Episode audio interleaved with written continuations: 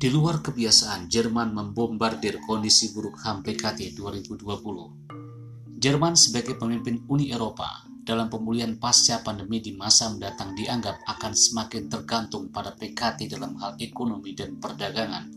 Namun tindakan pemerintah Jerman menyoroti masalah penindasan HAM PKT justru mencapai puncaknya di tahun pandemi ini. Pada 14 September 2020 lalu, Komite Petisi dari Parlemen Federal Jerman mengorganisir forum dengan pendapat terbuka. Salah satu topiknya adalah mendorong terbentuknya sistem sanksi HAM global yang menyerupai Magnitsky Act di Amerika Serikat.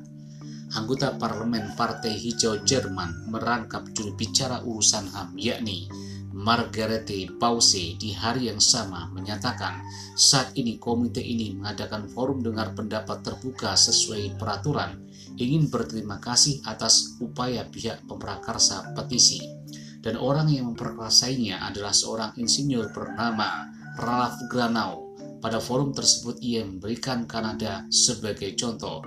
Magnitsky Act terutama menyasar penanggung jawab utama PKT yang telah menindas Falun Gong dengan kejam.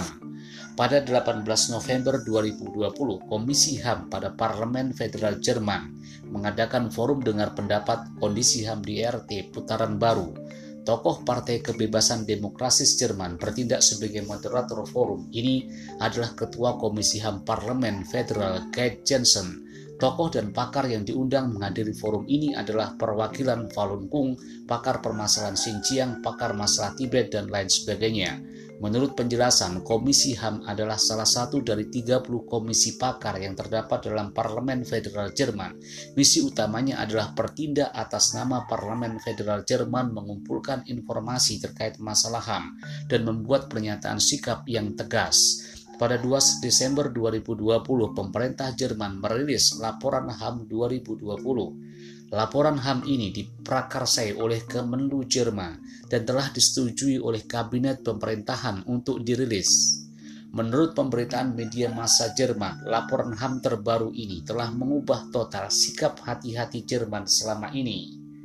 Dengan melontarkan kritik yang luar biasa tajam terhadap PKT, menghujat pedas kejahatan HAM PKT termasuk di Xinjiang, Tibet, dan Hong Kong yang terus memburuk, kebebasan berpendapat kian hari kian dibatasi, dan kebebasan beragama juga mengalami berbagai pembatasan. Lembaga peradilan RT telah diperalat PKT.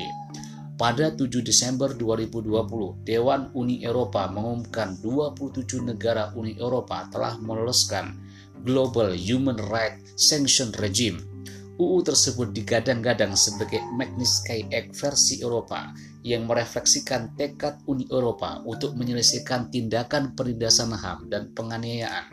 Dunia luar juga memandangnya sebagai senjata hukum untuk melawan PKT. Uni Eropa menyatakan daftar nama sanksi yang pertama akan segera direalisasikan sebelum berakhirnya kuartal pertama 2021. Pada 8 Desember 2020, Ketua Komisi HAM dari Parlemen Federal Jerman yakni Guy Jensen di akun Facebooknya memuat sebuah artikel yang memberitakan tentang diplomasi ala serigala perang PKT yang dipublikasikan di surat kabar Jerman Der Tagesspiegel. Artikel tersebut di awal menyebutkan tudingan bernuansa ancaman dalam pernyataan kedubes PKT di Jerman saat menanggapi forum dengar pendapat HAM di ERT pada 18 November lalu. Dalam postingan tersebut, Jensen juga menyatakan dari pernyataan kedubes ERT yang tidak rasional dan kasar terhadap pekerjaan Komisi HAM menunjukkan betapa pentingnya negara-negara demokrasi di seluruh dunia untuk melawannya bersama Terhadap forum dengar pendapat 18 November tersebut, Kedubes RRT di Jerman telah mengeluarkan klarifikasi yang menunjukkan kemarahan dan ketakutannya.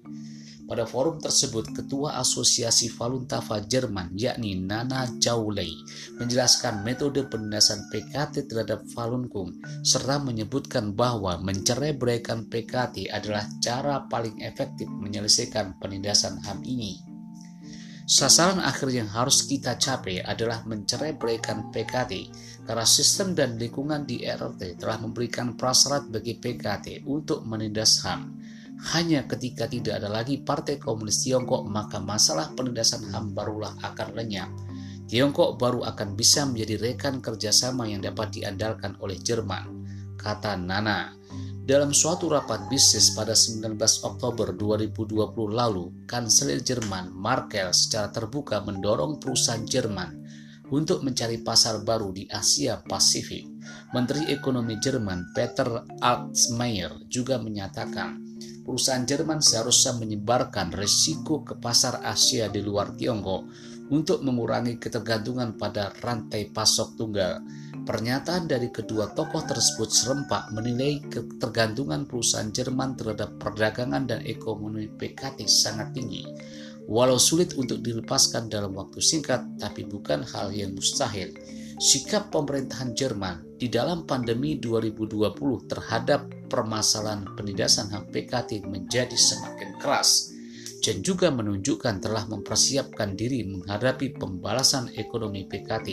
Seperti yang dikatakan anggota parlemen Jerman dari Partai Hijau, Margarete Pause saat Menlu RRT Wang Yi berkunjung ke Jerman. HAM tidak bisa ditawar-tawar.